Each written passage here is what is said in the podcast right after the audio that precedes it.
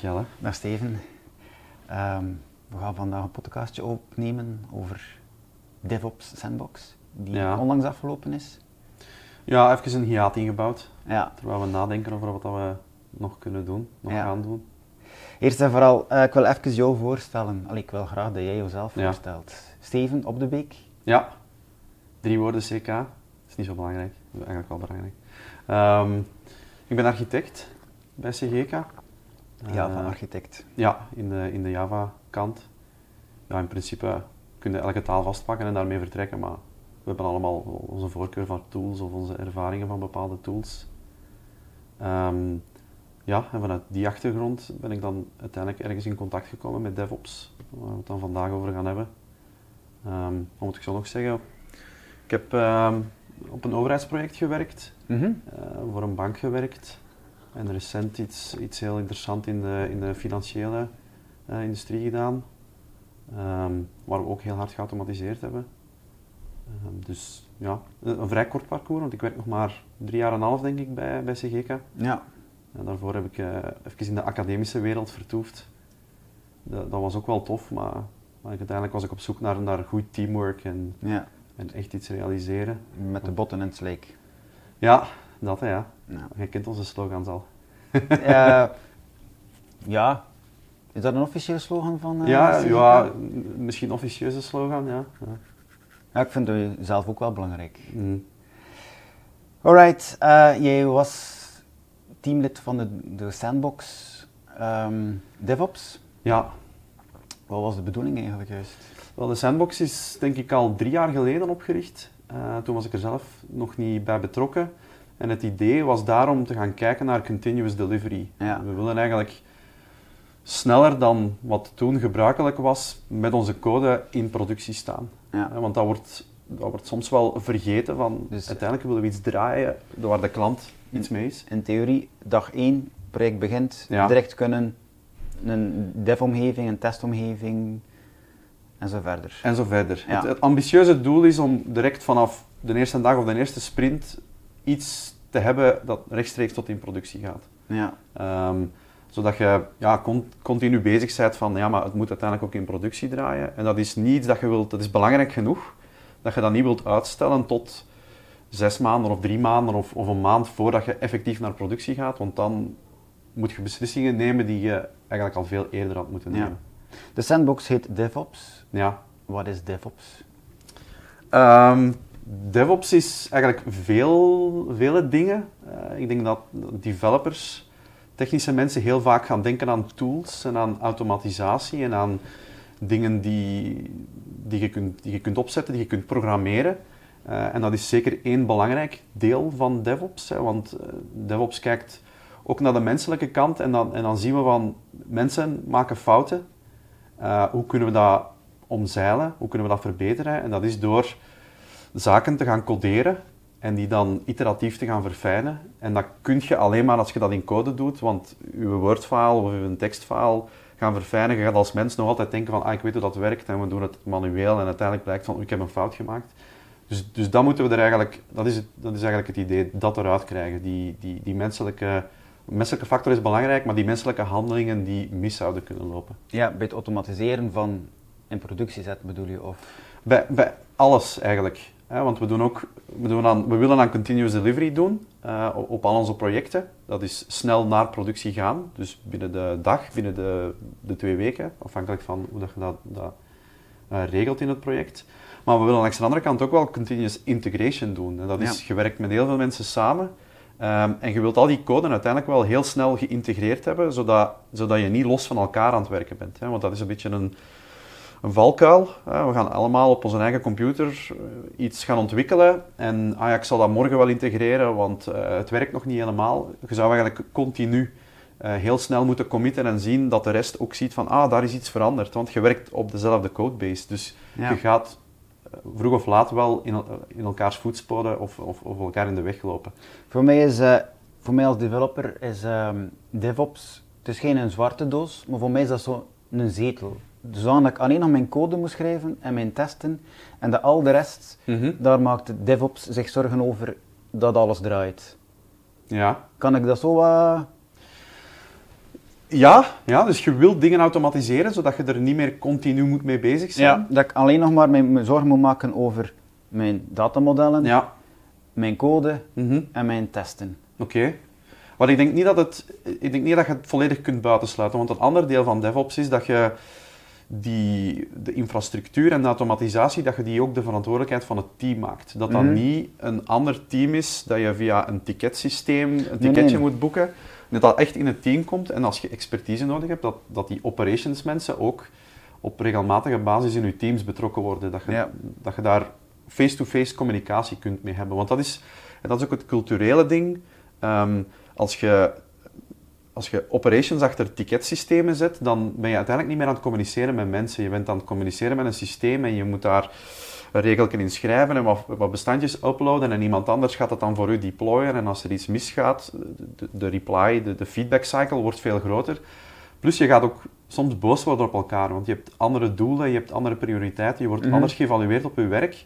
En dat zijn allemaal zaken die gaan eh averechts werken bij het snel realiseren van een, van een Ja. project op een heel menselijke manier. Dus, dus dat is... Maar als ik het jou hoor zeggen, dan klinkt het alsof dat elke developer eigenlijk ook DevOps zou moeten zijn of toch een notie van hebben. Iedereen moet daarbij betrokken worden en weten waar het over gaat. Dat wil niet zeggen dat iedereen eh, deployment scripts gaat moeten schrijven. Eh, bepaalde mensen hebben daar een affiniteit voor, andere mensen niet. Maar het moet wel iets zijn dat in je team leeft en waar je ook weet van hebt, zodat je daar rekening mee kunt houden. Stel, je doet een change die een impact heeft op een database.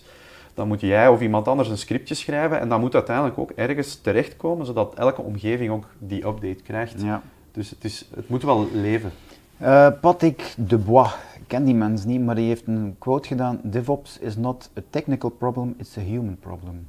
Ja, eh, dat is grappig, want Patrick is, eh, is hier ooit bij CGK gepasseerd, lang geleden. Eh, en er was een of andere conferentie, denk ik, rond automatisatie, rond operations. En, en daar werd heel hard gekeken naar, naar de agile wereld. Agile is iets dat we bij CGK ook heel hard, eh, Mhm. heel hard nastreven. Ehm, en, en daar werd naar de menselijke kant ook gekeken van, kijk, daar wordt samengewerkt. Daar worden geen ticketsystemen gebruikt. Mensen communiceren met elkaar, zien van, wat moeten we realiseren. Laat ons het samen doen eh, en het samen realiseren. En, en daar was er een groep van mensen, waaronder, waaronder Patrick Dubois, die, die zagen van, kijk, wij willen dat eigenlijk ook met operations. Wij willen ook op een veel meer menselijke manier gaan samenwerken. En ja, dan zijn er stappen gerealiseerd om dat, om dat te doen. En automatisatie is daar één van. Eh, en cultuur is daar, is daar een ander ding van. Het is super belangrijk om echt menselijk met elkaar eh, om te gaan en, en recht tegenover elkaar te zitten en gewoon te spreken over de issues. En het niet uit te stellen om dan snel te zeggen van ah, morgen moet het wel gebeurd zijn, eh, kom. En dan, en dan komen er managers bij en dan wordt het... eh, Ja, maar wat is dan de plaats van DevOps in dat menselijk verhaal? Het is mij nog niet helder. Is het nog niet helder? Hoe moet ik het anders zeggen? Ehm, wel, wel, het, het hele extreme is, ik heb iets nodig van iemand in operations. Mijn pakketje moet op een omgeving komen. Ik maak een ticketje aan. Dat gaat ergens in de queue en dat wordt, god weet wanneer, opgepakt. Ja, Ik dat zit is- daar natuurlijk. Dat is een technical problem. Dat is het technische probleem, maar dat, dat raakt ook heel hard aan dat cultureel probleem. Want het feit dat een organisatie zo is opgezet met muren, met systemen die daartussen zitten, maakt het dat het menselijk ook niet altijd heel aangenaam is. Want Ja. ik heb een noodzaak, ik wil zo snel mogelijk mijn pakketje gedeployed zi- zien, maar die partij aan de andere kant van die muur, die heeft zijn eigen prioriteiten. Ja. Dat, dat ticketje zit ergens, ergens vast, dat zit ergens in. En er is geen communicatie, dus ik weet ook niet wanneer wordt dat opgepikt, wanneer wordt er aan mijn nood voldaan, Ja. zodat ik verder kan. Ja, ja, nu snap ik het. En op die manier willen we meer cultuur, willen we de cultuur veranderen, willen we meer menselijk gaan communiceren en dan pakken we die operations mensen in het team en die zorgt ervoor dat er scriptjes geschreven worden, zodat die stap geautomatiseerd wordt en dat er geen ticketsystemen of muren meer, meer bestaan. Ja, eh, ik, ik zag ook DevOps is about CALMS. C-A-L-M-S. Ja. Culture, Automation, Lean, Measurement en Sharing. Mhm. De culture heb je zo net uitgelegd. Ja, automation hebben we ook Uh, al. uitgelegd, Lean, Agile principe. Ja, ja, Lean is vooral naar, naar processen die heel gestroomlijnd werkte, werken, waar heel weinig work in progress is ook. Want als je veel dingen tegelijkertijd doet, dan ga je verdeeld zijn, ga je fouten maken. Dus je gaat iets doen, dat afwerken en dan verder gaan. Beetje uit de auto-industrie is dat gekomen. Measurement, Uh, measurement is belangrijk, want vanaf dat je dingen begint te automatiseren, en ook zelfs zonder automatisatie, ga je ook nog wel een soort van awareness moeten hebben van in welke toestand zit mijn systeem? Gaat er iets mis? Moet ik verwittigd worden? Is er een build dat faalt? Is er een, um, een deploy dat faalt? Je moet op een of andere manier dat gaan visualiseren. Welke unit en dat gaan blokkeert? En welke unit is blokkeert. Uh, ja. ja. de eerste stappen in het proces. Je moet dat allemaal zien en in het oog houden. Want als alles automatisch gaat en je zegt van oké, mijn werk is klaar, maar het, het stopt ergens met werken, dan moet je dat wel opmerken en op dat moment kan je dan het proces gaan verfijnen door de scripts aan te passen, door de, de processen te verbeteren. Ja, en sharing? Ehm, dat is een woord dat ze erbij gevoegd hebben, denk ik. Allee, het is belangrijk dat je, het, verhaal dat ik zeg in het begin, je gaat die mensen in je operations mensen in je team betrekken. Je gaat daar zeggen van dit is het probleem dat wij gaan oplossen. Uh, en je gaat niet uh, bepaalde ja, andere manier van werken volgen waar je en alleen maar genoeg informatie geeft dat jij denkt dat er nodig is. Nee, je gaat echt gewoon veel meer open, open omgaan met alle partijen in het verhaal. Ja, valt uh, Subversion en Git zo daar ook niet ergens onder? Dat is ook ergens codebase sharing of zoek ik niet Ja, ik, allee, ik, dat is voor mij zo triviaal. Ik, ik zie niet meer ja. dat je een project op een andere manier kan doen zonder dat iedereen alles in je project ziet. Maar inderdaad... Het valt ook onder ja. verhalen. Ja, ja, ja. Dus, dus in die zin, inderdaad, als je zegt van oké, we gaan alles gaan delen, niet alleen uw code zit in die, in dat, in die, in die Git repository of in de Subversion repository, um, maar ook uw infrastructuurcode zit daarin. Zodat ook iedereen ziet van kijk, ik kan daar iets aan aanpassen of ik zie dat er iets verandert um, en ik weet waar dat de dingen staan. Dus dat, dat is zeker ook een belangrijk punt. Ja. Oké, okay, terug naar de sandbox. Dus um, jullie doel was om, om een soort flow op te zetten, mm zodanig dat nieuwe teams die met een nieuw project starten, van dag één alles kunnen opzetten in een paar uur tijd. Ja, ja dus het doel, is, het doel van de, de sandbox was continuous delivery. En als we daar dan technisch naar kijken, dan zien we daar een soort van continuous delivery pipeline, een softwarematig mm pijplijn van, van allemaal onderdelen die samenwerken om te realiseren wat je wilt doen. En wat we willen doen is eigenlijk zo snel mogelijk gaan deployen tot in, tot in productie. Ehm, en, en daarvoor moeten er echt heel veel onderdelen samenkomen, want je moet gaan babbelen met infrastructuur, um, met cloud-systemen. Um, je moet je code gaan compileren, je code gaan testen, verschillende andere automatiseerde testen gaan uitvoeren. Je moet containers maken als je op die manier wilt gaan deployen. Dus al die stappen moeten eigenlijk technisch aan elkaar geschakeld worden om zo'n pipeline te bouwen. En, en dat was eigenlijk de, het doel van de sandbox. Hoe kunnen we dat in dit geval toegespitst op, uh, op, op het Java-ontwikkelproces, mhm. hoe kunnen we dat met die tools echt aan elkaar gaan hangen om dat geautomatiseerd te doen van, van begin tot einde? Ja, dat was mijn volgende vraag.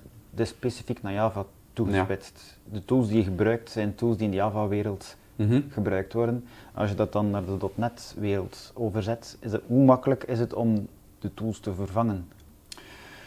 Ik denk, de, de, de principes zijn gedeeld door de, de, de globalere software engineering gemeenschap. Uh, maar natuurlijk, een bepaalde tool heeft altijd een bepaalde insteek en ook bepaalde talen die je moet, gaat moet gebruiken en, en, en, en dataformaten die je gaat moeten gebruiken. Dus het is niet triviaal om, om, zal ik het zeggen, voor mij als iemand die bezig is in een Java-wereld, om te zeggen van, ah, morgen zet ik hetzelfde op voor een, voor een .NET-wereld, dan ga je mensen van .NET moeten betrekken en je gaat moeten zeggen van, kijk, allee, ondertussen weten die dat ook allemaal van automatisatie, dit is wat we willen doen. Mhm. Eh, want aan de .NET-kant was er ook een sandbox die bezig was met, het, met hetzelfde probleem. Ehm, eh, dus soms is het spijtig dat we niet meer van elkaar leren, maar je loopt heel snel, zeker als je in zo'n sandbox heel technisch gaat, loop je heel snel tegen technische verschillen. Uh, we zitten daar ook niet te filosoferen. Hè. We willen uiteindelijk zaken bouwen die in projecten gebruikt worden. Dus het is ook niet altijd even gemakkelijk om, om, om daar samen aan tafel te gaan zitten en, en, en, en samen te werken. Ja, um, we gaan een paar van die uh, tools die jullie gebruiken in jullie sandbox ja. uh, overlopen. Wat is Cradle? Uh, Gradle, uh, is een soort van dependency en, en code building tool. Een alternatief is Maven, wat, wat een, een aantal jaren ouder is. Um, wat je daar uiteindelijk wil doen is een stuk van de taak van een developer uit handen nemen. En dat is, als ontwikkelaar schrijf je code, maar je bent heel vaak afhankelijk van heel veel code van mensen die, die die dat voor u geschreven hebben. Je, gaat, bepaalde libraries gebruiken, bepaalde frameworks gebruiken. En die zaken wil je zo makkelijk mogelijk in je eigen omgeving en ook op je productieomgeving hebben. Liefst nog de recentste versies. Ehm, en dat kan je eigenlijk met Gradle gaan doen. Je gaat eigenlijk je dependencies gaan declareren. En Gradle gaat voor u wel zorgen van dat al die libraries op de juiste manier op je systeem komen, zodat jij je applicatie en je eigen code kan draaien zonder al te veel, zonder al te veel kopzorgen. Want anders is dat een heel manueel proces. Hè. Je moet naar een website gaan, die, die jars gaan downloaden, die ergens in een folder zetten, die toevoegen aan je classpath. En dat doet eigenlijk Gradle um, um, 95% voor u. Al die dingen samenpakken en dan zorgen dat je ook je code automatisch runt. En gaat hij dan ook uh, geconnecteerd zijn aan, aan, bijvoorbeeld Git? Om de codebase te gaan... Um, wel, meestal, Gradle op zich is niet zozeer een software systeem dat ergens draait, maar is meer een tool dat jij kan starten. Dus dat dat typisch werkt is dat, dat je zelfs Gradle verwerkt in je codebase, dat je een checkout doet van je, van uw, van uw, uh, van uw repository en dat je daar dan de commando's krijgt waar je tegen zegt van oké, okay, Gradle, beeld nu mijn code en zorg ervoor dat alle dependencies worden binnengehaald. Het is uh, een beetje anders, denk ik, dan, dan bij ons. Uh, ik ben dus webdeveloper. Ja. Um, ik heb het nog niet helder hoe, hoe dat bij jullie werkt. Dus, mm -hmm. dus de, de commando's voor Gradle zitten mee in de codebase. Ja, ofwel is dat een tooltje, dat is typisch, hè? ofwel is dat op je eigen laptop installeer je Gradle. Mm -hmm. Dat is dan een, een executable, een tool die daar staat. Uh, maar bij, bij Gradle is, is de manier dat daarmee omgegaan wordt, dat je zelfs Gradle zelf deel maakt van je repository. Want uiteindelijk, wat ga je met je code willen doen? Je gaat die willen beelden, testen en packagen. Dat is wat je wilt doen. Ja. En als dat afhankelijk is van een bepaalde versie van Gradle dat jij lokaal moet installeren, die, die Gradle gaat ook evolueren, er gaan features bijkomen. Je wilt eigenlijk die versie van Gradle mee in je repository hebben, deel van je code. Ah, ja. Want de manier dat Gradle werkt, gaat ook een impact hebben op de artefacten die je gaat produceren. Soms verandert Gradle en ga je dingen moeten aanpassen. Dus hoe Gradle werkt is, er zit een soort van scriptje in je code. Als je dat start, download dat de juiste versie van Gradle en begint dan al je dependencies binnen te halen en je code te beelden. Dus die tool wordt echt een essentieel onderdeel van, van je code. Dus Gradle zit mee in de repository verwerkt. Mm -hmm. Gradle, zorgt Gradle er dan ook voor dat de, de packages gebeeld worden? Ja. Ja, het is ook Gradle die de jars gaat maken. Het is ook in Gradle dat wij dingen gaan toevoegen om containers, uh, Docker containers te gaan beelden. Ja. Dus, dus Gradle doet echt wel de... Het maakt het pakketje klaar. Ja, Gradle doet het werk en Jenkins gaat aansturen. Jenkins gaat zeggen van, oké, okay, nu ga je code beelden, nu ga je code testen, nu gaat je uh, je containers maken, je containers gaan deployen en een keer een smoke test gaan uitvoeren. Al die stappen worden eigenlijk georchestreerd door Jenkins, maar het is wel Gradle scripting dat wij gebruiken en, en plugins in Gradle om Ja. het echte werk te gaan doen. Ja. Ehm, ik zeg daar straks ook al, bij ons in, in, in de, de web development. Ja. Ehm, Team City wordt gebruikt om de code binnen te trekken, Mhm. de unit-testen uit te voeren, eventueel eh, extra libraries van externe ehm, open source pakketten Ja, ja, ja. binnen te halen. Ehm, en dan een pakketje te maken. En die wordt dan naar Octopus gestuurd. En Mhm. Octopus gaat dan de pakketjes op de juiste dev-omgeving of de testomgeving. Hoe zit dat bij jullie? Dus jullie, Jenkins, zit het dan op de juiste omgeving ook? Of heb ik dat verkeerd voor? Wel, Jenkins gaat de trigger zijn die dan andere tools gebruikt om naar een bepaalde omgeving te gaan deployen. Ja. Ehm, daar zijn nogal. We hebben, we hebben hier binnen CGK bepaalde langlopende projecten. En die zijn natuurlijk niet allemaal overgeschakeld naar in de cloud opereren. Eh, dus voor zo'n projecten bestaan er nog zo de typische een vaste development omgeving of verschillende development omgevingen, een, een integratie of acceptatieomgeving en, en dan uiteindelijk productieomgevingen. Eh, en daar ga je op een of andere manier moeten, moet ik het zeggen, uw container of uw, of uw jars of uw wars, eh, uw artefacten, ga je op die servers moeten krijgen om die dan te starten en dan Ja. uit te voeren. Dat is, er bestaan wel waarschijnlijk tools voor, maar in de Java-wereld is dat, is dat vaak, eh, moet ik het zeggen, ehm, gaan we dat vaak zelf doen. We gaan vaak zelf een secure copy gebruiken om dingen op zijn plaats te krijgen of een trigger geven om iets te Ja. downloaden.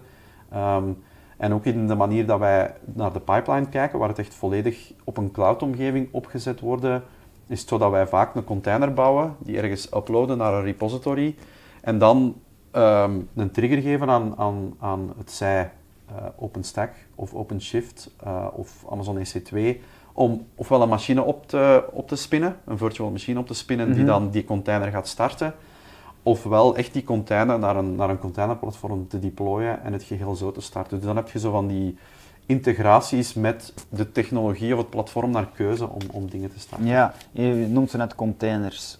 Um, ik veronderstel dat Docker-containers zijn. Ja. Staan er nog andere soorten containers naast Docker? Of is Docker... Ik denk dat Docker eigenlijk wel de de facto uh, standaard is van, van containertechnologie, uh, die eigenlijk gebouwd is bovenop, bovenop Linux, de Linux-kernel. Um, er zijn allerhande andere partijen die ook wel een soort van containerisatie hebben geprobeerd, maar ik, zelfs bij Microsoft zijn ze nu echt volledig aan het gaan naar Docker containers en zelfs naar Kubernetes oplossingen. Wat is een container? Um, een container is eigenlijk eh, een, een, een, oplossing van een bepaald probleem dat wij als developer heel vaak hebben.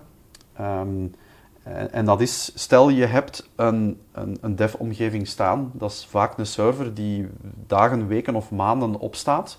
Um, en uh, het probleem daarmee is dat die, die, server begint een beetje een leven van zichzelf te, te, te leiden. Hè? Want je, gaat daar zo tweaks doen, je gaat scriptjes uitvoeren, je gaat updates uitvoeren.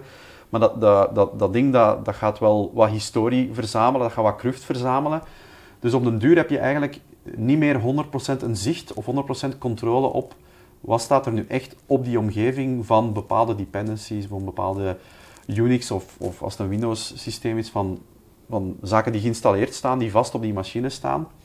En wat je met, met Docker gaat doen, is eigenlijk, je gaat de grens verleggen. Je gaat eigenlijk alle systeemdependencies bij in de container zetten. En zo kan jij bijvoorbeeld een container bouwen die bepaalde versies heeft, um, heel diepgaand van een kernel, maar dat is meestal niet, niet super relevant. Um, bepaalde versies van, moet ik het nog zeggen, scriptjes dat je gebruikt. Als je shell calls gaat doen, curl, set, dat soort zaken. Um, die zaken die zijn allemaal vervat in die container. En die container is eigenlijk een soort van artefact. Je kan die één keer bouwen en daar, en daar dan mee verder gaan. Mag ik een container beschouwen als een virtual machine zonder besturingssysteem? Uh, nee, dat mag, dat mag je eigenlijk niet, want uh, het, is, het is eigenlijk totaal iets anders. Um, je bouwt toch een omgeving die, die clean is en die enkel gemaakt is om je project te draaien. Klopt. En daar zit geen besturingssysteem in. Wel, er zit, er zit, wat zit er niet in? Er zit niet een soort van de kernel, de Linux kernel zit er niet in. Die, die, is, die is eigenlijk gedeeld. Dat is het onderliggende platform. Maar een besturingssysteem zoals wij dat zien, is niet alleen die kernel, niet alleen die, die runtime entiteit die je, mm die je operating system vormt, maar ook alle tools die wij gebruiken. Zeker in een Unix-omgeving ehm, eh, zie je dat de toolset eigenlijk bepaalt hoe, dat jij, hoe dat jij gaat interageren. Want die kernel die zit, die zit ergens als een onderlaag en daar interageer je als programmeur vaak niet mee en als gebruiker ook niet mee. Dus het is eigenlijk die toolset die wel. waar jij mee interageert, waar jij commando's aan geeft, het zij via script of het zij handmatig, ja. die bepalen wat je systeem echt is. En, en dat zit eigenlijk wel volledig uh, vervat in die container. Dus die container is een versie van Ubuntu uh, Linux, een versie van Alpine Linux, een versie van Debian, uh, CentOS, Red Hat, wat je maar wilt. Al die tools ga jij bepalen van welke tools wil ik in mijn container. En die gaan daar ook effectief in zitten. Dus daar moet je echt een hele goede selectie maken en zo minimaal houden. Want uiteindelijk, uiteindelijk ga je ja, container groeien en groeien. Je kunt online heel wat containers downloaden mhm. en direct runnen. Ja, of, of daarop verder bouwen. Ja, alsof dat een VM is. Ja, dus ik, ik snap naar een, naar een gebruiksprincipe uh, is het heel gelijkaardig, maar virtual machines die gaan, die gaan eigenlijk nog een stap verder. Hè. Die gaan eigenlijk bijna tot op de hardware um, een soort van virtuele wereld opbouwen, waar heel het besturingssysteem in zit, uh, uh, waar, waar ook een soort van virtualisatie, runtime virtualisatie achter zit, die echt zegt van, kijk, ik ben die virtual machine, die onderlaag, ik ben hardware en je kan tegen mij spreken alsof dat ik uh, allee, ik ben software en ik kan tegen mij spreken alsof ik hardware ben. En daar zit ook een soort van vertragende factor in, want je moet al die hardware calls ook wel gaan implementeren en je moet die gaan, gaan, gaan doorvoeren. Ja. En, en in, in co- containers zijn eigenlijk gebouwd als een alternatief om een soort van encapsulatie te hebben, die virtual machines ook heel hard bieden. Ja, dus virtual machines op hetzelfde grote, zware machine, die zijn wel heel hard gescheiden van elkaar. Je krijgt daar bepaalde garanties over. Ehm, en dat willen we met dat wilt, willen containers ook doen. Je wilt gescheiden van elkaar zitten, zodat Ja. je niet in elkaars... Dus je kunt, Ehm. je kunt je code laten runnen binnen een container op je laptop. Ja, En die container wordt dan gewoon verplaatst naar de Mhm. cloud. ja, En die is gewoon identiek Voilà. aan die container op je Ja, laptop. ja, ja, ja. Dus, dus, dus dat is het hele punt. Hè. Je wilt dat die, die omgeving en die tools mee in die container zitten, zodat die, diezelfde container overal kan draaien waar jij Docker containers kan draaien. En dat je daar eigenlijk al geen zorgen meer moet over maken. Plus dat hetgeen wat de developer test, uiteindelijk ook hetgeen is dat runtime gaat draaien. ja. Geen andere versie van de Java Virtual Ja. Machine, geen andere versie van bepaalde onderliggende systemen die allemaal een, een ander effect zouden kunnen hebben hoe dat je applicatie zich gaat gedragen. Ja. Je noemde daar straks Kubernetes. Ja, Ehm, je noemde daar straks ook OpenStack. Of is dat OpenStack, OpenShift. Ja, dit is ook... eh, wat is de verhouding tussen Kubernetes en OpenStack en OpenShift? Wel, ehm, Eerst en vooral, wat is Kubernetes? ja, Kubernetes is een soort van ehm, containerplatform en orchestratieplatform dat Google in der tijd voor zichzelf heeft gebouwd en dan een product van gemaakt heeft dat open beschikbaar is. Eh, dat is volledig open source en je mag dat ook voor eender welk doeleinde gaan gebruiken. En het idee daarvan is dat je die containers, waar we net over spraken, die Docker containers, dat je die aan zo'n containerplatform, aan Kubernetes kan geven van kijk, ik heb hier een containertje met mijn Java-applicatie of mijn, eh, of mijn webapplicatie. Ik zou nu graag hebben voor mij dat je daarvan vijf containers, vijf runtime entiteiten tegelijkertijd van opbrengt en dat je er altijd voor gaat zorgen dat die vijf zullen opbrengen. Onze applicatie kan soms wel eens crashen eh, en dan wordt die ene container vervangen door een nieuwe. En zo gaat Kubernetes ervoor zorgen van, kijk, je hebt altijd vijf machines die achter een load balancer staan en die uw applicatie gaan, gaan, gaan draaien. Ja, ehm, ik veronderstel dat Jenkins dan ook met Kubernetes communiceert. Want Ja. Jenkins is degene die zorgt dat de deployment gebeurt. Dat alles georchestreerd wordt, ja. Ehm, ja, het is uiteindelijk Kubernetes eh, en, en OpenShift en ook OpenStack. eh het verschil kunnen we misschien zelfs nog op ingaan, want er is wel degelijk een verschil. Ehm, die zijn gebouwd in een wereld waar die richting de cloud ging. En, en wat wil de cloud eigenlijk zeggen? Dat zijn ergens computersystemen die, die draaien, waar het, het soort van businessmodel anders is. Want je gaat vaak betalen per tijdseenheid of per goed afgesproken onderdeel en geen een server die 24 op 7 voor u alleen daar staat. Ehm, en die zijn gebouwd met cloud in het achterhoofd, dus die hebben allerhande API's. Ehm, dat zijn toegangspoorten voor ontwikkelaars om daar scripts te schrijven die zaken automatiseren. Dus automatisatie zit daar eigenlijk ingebouwd. Eh, het is zelfs zo dat Kubernetes voor u bijvoorbeeld zelfs kan gaan reageren op load en zeggen van oké, er zijn zoveel meer gebruikers ineens, we gaan van die vijf machines naar tien machines gaan. En dus dat soort automatisatie zit, loopt daar volledig door.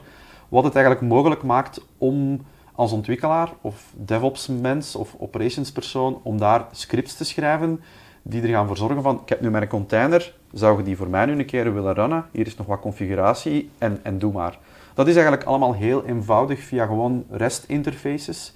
Eh, en, en, en dat, maakt het heel, dat maakt het heel makkelijk. Ik denk, vroeger gebruikten we hier nog wel, en op dit moment ook nog wel, bepaalde andere VMware ehm, eh, ehm, technieken. En, en die waren scriptgewijs, ehm, lopen, die, lopen die soms wel wat achter nu. VMware en, en andere partijen gaan daar natuurlijk zeker in meevolgen. En ondertussen is dat ook wel beter. Ehm, dus zou je dat ook kunnen doen. Ehm, maar dat is, dat is denk ik het, het, het baanbrekende aan die systemen, dat die, dat die volledig op automatisatie zijn ingezet. Ja. Hoe moet ik me dat dan voorstellen? Eh, er is een Linux cloud, er is Kubernetes die Dockers opzet, ja. Docker containers opzet en die draaien allemaal in die Linux cloud. Mag ik het zo voorstellen? Of Ja. zitten er nog VM's tussen die... Eh, dat hangt er eigenlijk helemaal vanaf hoe dat het operations team of de cloud provider die jij gebruikt, hoe dat die dat onderliggend, onderliggend gaat opzetten. Ehm, uiteindelijk, eh, VM's worden op dit moment quasi overal gebruikt, omdat die je toch soort van ehm, ja, een soort van virtualisatie geven richting, ik kan hele grote machines gaan installeren. Ehm, eh, en ik kan daarop heel veel verschillende klanten gaan bedienen. Dus VM's zitten daar meestal ergens nog wel onder de cover om ook voor operations mensen het makkelijker te maken om zo'n systeem te gaan opbouwen. Ehm, maar uiteindelijk, ja, Kubernetes draait ergens op een Windows slash Unix omgeving. Ik vermoed vooral Unix, dat, weet ik eigenlijk niet, niet exact.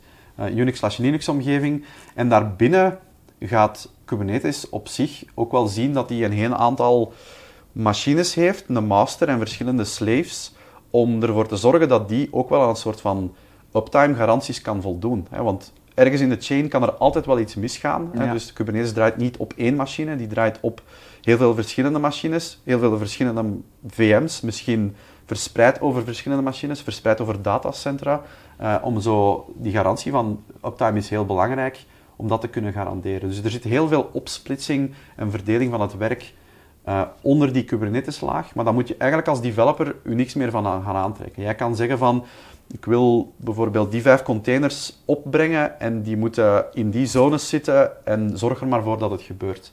Uh, en de effort om dat te doen en de configuratie die jij moet voorzien is, is eigenlijk heel erg klein. En dat laat u toe om, heel snel te gaan. Je, maakt u bij Amazon of in, bij CGK, het OpenShift uh, verhaal, maakt je een account aan.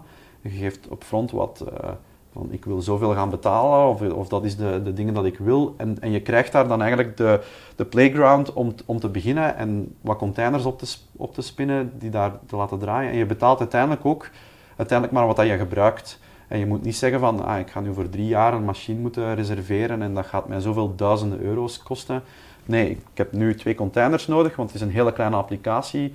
Maar op termijn willen we ook kunnen groeien. En, en dat is eigenlijk ook allemaal mogelijk binnen dat systeem. Ja. Ehm, wat is dan het verschil tussen Kubernetes en OpenShift, OpenStack? En wat is het verschil tussen OpenShift en OpenStack? ja, um, uh, Kubernetes is, is dat open systeem van Google. Um, OpenShift is een product van Red Hat dat gebaseerd is op Kubernetes, uh, wat extra services en wat extra zaken, toeters en bellen toevoegt. Ook vaak een servicecontract toevoegt. Zodat dus Kubernetes is open source? Uh, Kubernetes is open source, ja. ja. ja. En, uh, en OpenShift, ik ken de juiste licentie van, van Kubernetes nu niet, maar ik vermoed dat hetgeen wat Red Hat daar gaan toevoegen ook wel grotendeels open source zal zijn. En je, je koopt ook wel services of die zekerheid dat Kubernetes evolueert nog continu, dat moet ook geüpdate worden. Um, dus je hebt wel heel wat kennis nodig van dat onderliggende systeem en dat heb je misschien ook altijd niet in huis. dus dan kan je zeggen van oké, okay, um, ehm, Red Hat, pak een deel van die verantwoordelijkheid uit mijn handen, zorg ervoor dat de versie die ik draai altijd wel goed zal werken. Dan kan je ook nog kijken naar een soort van cloud systeem waar iemand voor jou je OpenShift of je Kubernetes gaat draaien. Of je gaat het zelf doen. Uh, dat is vaak niet aan te raden als je als developer bent, want daar komt toch wel heel veel bij kijken. Um, en dat, dat is de ene kant. En dan heb je OpenStack, waar we hier bij de CGK ook een tijd hebben op ingezet. En dat is te vergelijken met Amazon EC2. Daar ga je spreken over echt de laag van virtual machines. Je kan daar gescript um, snel een, een CentOS of een Linux systeem gaan opzetten en je hebt dan een, een lege virtual machine waar jij dan uiteindelijk doet, mee doet wat je wilt. Maar ook niet via een ticketje maken ergens op een systeem. Nee, nee gewoon een API callen, um, zeggen van ik heb een extra systeem nodig dat daar moet aan voldoen. En binnen de minuut staat er eigenlijk iets klaar voor jou waar je op kan gaan bouwen. Ja. En wat is OpenStack dan? Wel, OpenStack is, is net die, ah, dat, die, dat is wat ik zei. Ja, het zelf hosten als het ware. Uh, ja, OpenStack is een soort van community platform um, waar ze een soort van EC2 plus extra zaken hebben nagebouwd, maar volledig open, want EC2 is natuurlijk een closed ding van, van Amazon, uh, waar je zelf niet echt exact weet hoe het werkt. Um, OpenStack is een community platform waar ook heel veel grote vendors wel in geïnvesteerd hebben uh, en nog steeds in investeren, dat eigenlijk een soortgelijk ding mogelijk maakt. Je kan een soort van cloud infrastructuur opzetten op hardware om um, aan virtualisatie te gaan doen, uh, maar ook op een volledig geautomatiseerde manier. Um, binnen de sandbox hebben jullie gekozen voor OpenStack of OpenShift? Origineel, ik uh, denk uh, anderhalf jaar geleden, toen we met, het, met de, de, de, de continuous delivery pipeline begonnen zijn en we dat volledig voor onze teams wilden automatiseren, um, ook voor onze klanten, zijn we toen op OpenStack gesprongen, omdat ook CGK bezig was met, kijk, we gaan dat Ja. intern eens een keer... eh, CGK heeft eigen datacenters. ja, van eigen datacenters. We, gaan, we willen dat leveren als service. Eh, en dan zijn wij als eerste partner mee in zee gegaan, want wij hadden een noodzaak en, en tijd om, om onze softwareprojecten daarop aan te passen. Zij, hadden, zij wilden dat gaan uitrollen naar klanten eh, eh, en naar partijen die geïnteresseerd zijn. En hebben we eigenlijk, de pipeline volledig via de sandbox, volledig gebouwd bovenop OpenStack. Dat wil zeggen dat wij ehm, zelf geautomatiseerd, dus wat we uiteindelijk opgeleverd hebben, is, is één scriptje. En dat één scriptje plus een account op die OpenStack ehm, platform, eh, ging dat eh, zelf ehm, virtuele machines gaan opzetten om uw Jenkins op te draaien. Eh, die Jenkins ging automatisch geconfigureerd worden om te zeggen van, ah, kijk, daar staat mijn source, dit is de pipelines dat ik allemaal wil, ehm, dat volledig op te zetten. En dan verder ook was het mogelijk om vanuit de pipeline nieuwe machines te gaan opzetten, waar je snel een development-omgeving kunt opzetten, waar je een integratieomgeving kunt opzetten en waar je uiteindelijk ook je productieomgeving gaat op gaan draaien. Dus dingen, dingen kon eigenlijk volledig geautomatiseerd van het begin tot het einde op eh, tijd van 10 minuten tijd opgezet worden, zodat als je een nieuw project start bijvoorbeeld, je zegt van dat is mijn repository dat ik wens te gebruiken, dat is mijn OpenStack account van klik en binnen de 10 minuten ben je eigenlijk klaar om gewoon developer-omgevings geautomatiseerd te gaan opzetten en je code te gaan beelden. En je hebt eigenlijk alle onderdelen die je dan zelf iteratief kan gaan ver- verfijnen naar je eigen wensen, naar je eigen context, naar de wensen van de klant. Ehm, dat, is, dat is het idee. En dat is eigenlijk gelukt om, om dat te doen.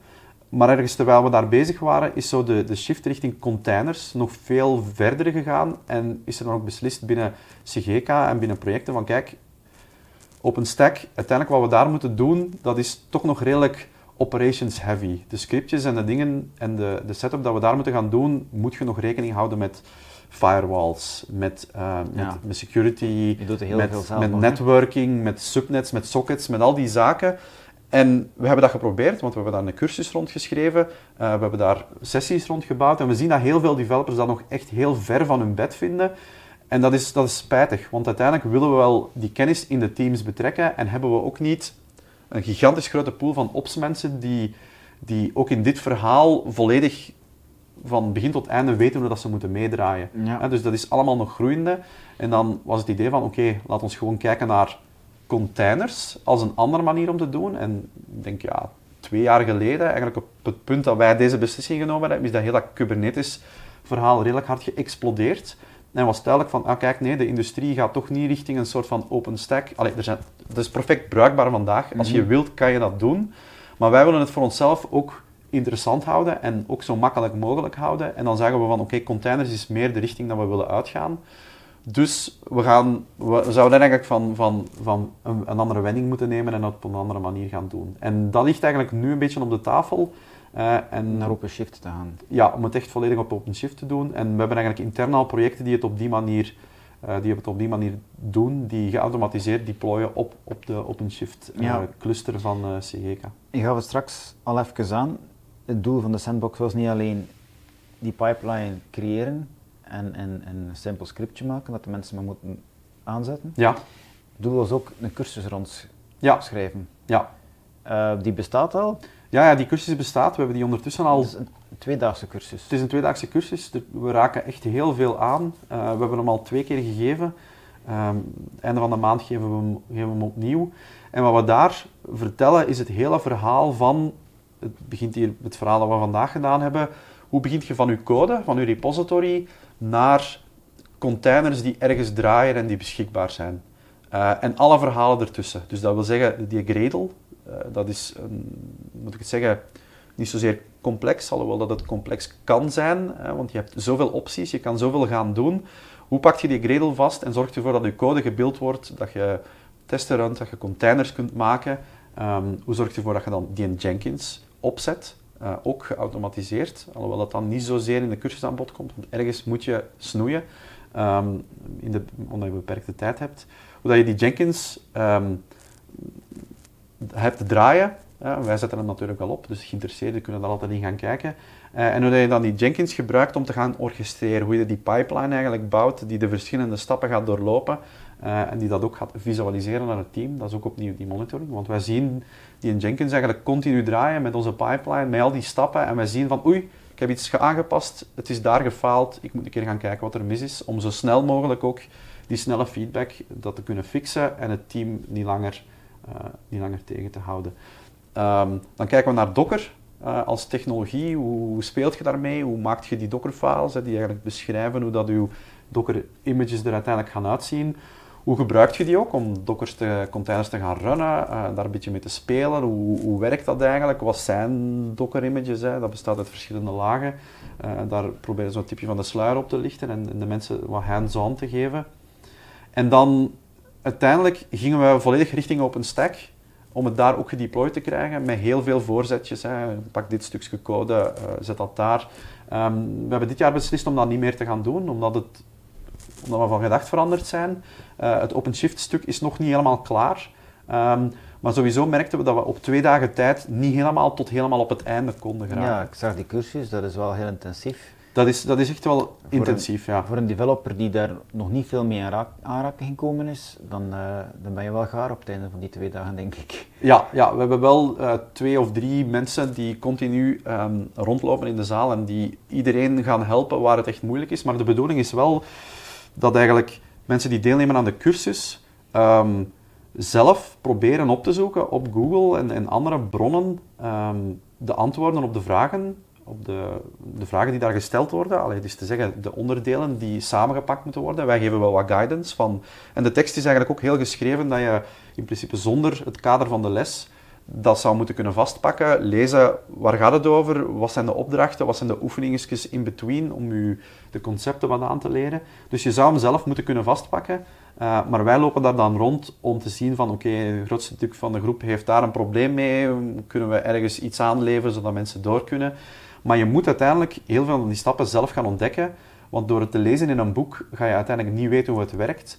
En de, de insteek van de cursus is ook een beetje om de magie uh, te doorprikken. Want er is, er is eigenlijk niks magisch. Oh. Hè? Allee, het is, het is nee, ja, ja. turtles all the way down. Dus, ja. dus we, gaan, we gaan niet tot op, tot op het bot. Maar je wilt toch de, de, essentiële stappen binnen dat proces allemaal uit de doeken kunnen doen, ja. zodat mensen zien van, ah oké, okay, dat is dat, dat combineert met dat, uh, op die manier, en we kunnen dat zo gaan aansturen. Uh, en en, en dat, die, die magie proberen we volledig uit de doeken doen, zodat iemand dat op zijn proces kan zien van, ah, hoe werkt het bij ons? Want vaak is dat opgezet en je gaat niet overal meer mee in contact komen, dus je gaat dat ook moeilijk kunnen leren. Of als je een nieuw project start, van kijk, uh, gebruik dit en je bent 70% van de weg ben je al uh, op een hele korte tijd. Ja. Oké, okay, ik heb nog één filosofische vraag. Um, 20 jaar geleden, 25 jaar geleden was er uh, de mainframe met de domme clients. Ja. Dan kwam de PC op waar alles gedecentraliseerd mm -hmm. werd. Mm -hmm. Nu is de cloud hip ja. met de containers. Um, is weer alles gecentraliseerd mm -hmm. in de cloud. Um, ik hoorde onlangs iemand zeggen, ja maar IoT komt eraan. Alles gaat weer gedecentraliseerd worden op termijn. Ja. Hoe zie je dat zelf in, in dit verhaal? Wel, dat verhaal is natuurlijk altijd een soort van, een soort van slingerbeweging. Hè. Dat, zien, mm -hmm. dat zien we denk ik overal waar je naar kijkt. Um, je hebt het inderdaad beschreven, hè, van de mainframes tot nu terug in de cloud. Ik denk dat je als developer wil je soms af van een soort van de kop zorgen om, om zaken op te zetten, om zelf infrastructuur te gaan kopen en, en mm -hmm. de hardware in een datacenter te hebben, tot het is een dienst die ik heel flexibel kan afnemen, uh, waar de andere kant, degene die de dienst aanleveren, echt van, van schaal, schaalvoordelen kunnen profiteren om, om zoiets te gaan opzetten voor een hele grote groep mensen en, en ook gaan moet ik het zeggen, gelijk de vliegtuigen. Hè. Je, je, verkoopt een dienst voor, voor 100 mensen, maar je weet dat je uiteindelijk maar 80 plaatsen hebt, maar toch op een of andere manier zijn er efficiënties die, die in dat systeem werken, die het voor iedereen beter maken, want ik betaal minder dan dat het zelf te doen. Dat is de huidige situatie. Dat is de huidige situatie. En waar gaan we dan naartoe? Wel, Als ik bekijk, die smartphone in mijn broekzak van ja. 300 euro, die is krachtiger dan mijn PC van 10 jaar geleden. Ja, ja dat klopt. Um, en heeft dan nog eens 10 jaar en die is krachtiger dan de helft van de cloud van Amazon. Allee, ik overdrijf het, maar... Ja, wel, je, hebt daar, je hebt daar het soort van verhaal van de Googles en de Amazons die uiteindelijk ook heel veel macht willen, want die willen soort van integratie waar zij heel veel van kunnen leren. zeker in het geval van, van, van een Google. Uh, dus die, die trekt mensen aan om, om die in hun systeem te krijgen. Langs de andere kant heb je ook meer de technische kant. Uh, en dan zien we van wat zijn de technische limitaties die in die systemen zitten. Dus de computersystemen zijn nu krachtig genoeg om te zeggen van oké, we kunnen het op een VM, op een container, op nog een ander systeem, dat werkt allemaal. Dat draait allemaal snel genoeg, zodat we daar geen last meer van hebben. En de extra flexibiliteit, voordelen die we daarvan krijgen, zijn mooi meegenomen.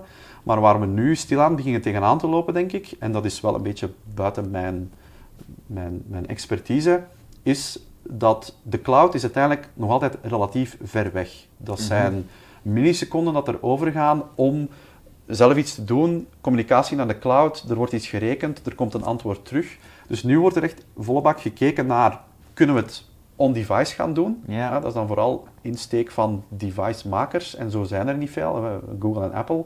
En dan nog wat andere partijen die daarmee bezig zijn.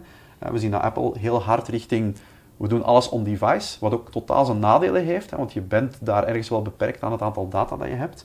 Maar je wilt die, die, uh, die communicatietijden naar beneden krijgen. En dan wordt er nu ook gekeken naar een soort van edge computing, waar we dichter bij de mensen in lokale datacenters bepaalde operationele delen gaan zetten die veel sneller gaan kunnen, kunnen uh, reageren. Want als je, heb je, heb je thuis uh, een Alexa of zoiets, een of andere assistant.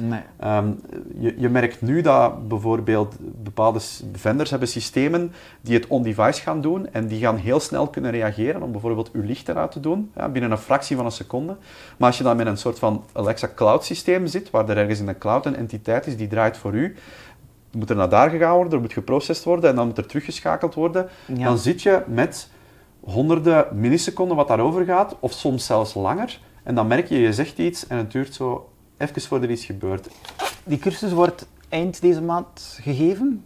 Ja. 28 en 1 maart, dacht ik. Ja, hè? Ja, Kunnen mensen nog inschrijven voor die cursus? Ja, ja, ja. ik denk uh, er is zeker nog plaats uh, voor mensen om, om, om in te schrijven als ze geïnteresseerd zijn. En dat is in Leuven? Of?